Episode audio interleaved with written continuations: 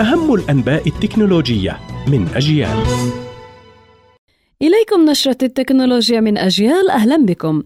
الولايات المتحدة تطلب الانضمام مجددا إلى منظمة الأمم المتحدة للتربية والعلوم والثقافة اليونسكو لتشارك في وضع قواعد ومبادئ ومعايير الذكاء الاصطناعي.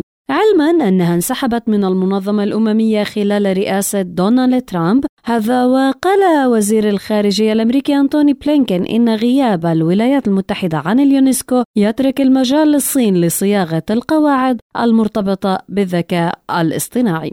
شركة مايكروسوفت تعلن عن نسخة جديدة سوداء من جهاز إكس بوكس باسم سيريس أس بسعة تخزينية قدرها تيرا بايت يتيح للاعبين تنزيل المزيد من الألعاب على الجهاز مع الحفاظ على أداء أفضل. وأطلقت مايكروسوفت سابقا النسخة الأصلية من جهاز إكس بوكس سيريس أس بسعر 300 دولار أمريكي لكن مع سعة تخزين داخلية قدرها 500 و12 جيجا بايت فقط وهي لم تكن كافية للكثير من اللاعبين.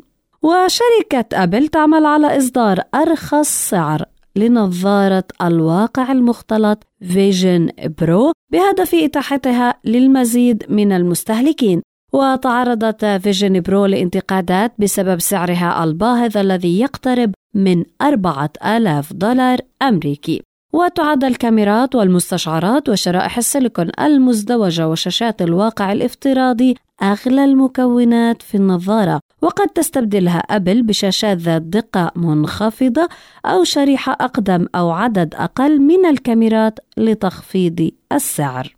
خبراء أمن معلومات يحذرون من ثغرات برمجية خطيرة في أنظمة نيمو فريمورك التي تطورها نفيديا وتعتمد على الذكاء الاصطناعي. تستخدم كأداة للمطورين الخارجيين لإنشاء منتجات متنوعة تستخدم خوارزميات توليد تعتمد على الذكاء الاصطناعي مثل روبوتات المحادثة الآلية والرد على الرسائل. وتمكن الثغرة من الوصول إلى البيانات والمعلومات الخاصة ببعض المستخدمين وازدادت شعبية منتجات شركة نيفادا بشكل ملحوظ مؤخرا بسبب استخدام الشركة تقنيات الذكاء الاصطناعي في تلك المنتجات ويتوقع أن ترتفع بحلول الشهر المقبل إلى 50% تقريبا.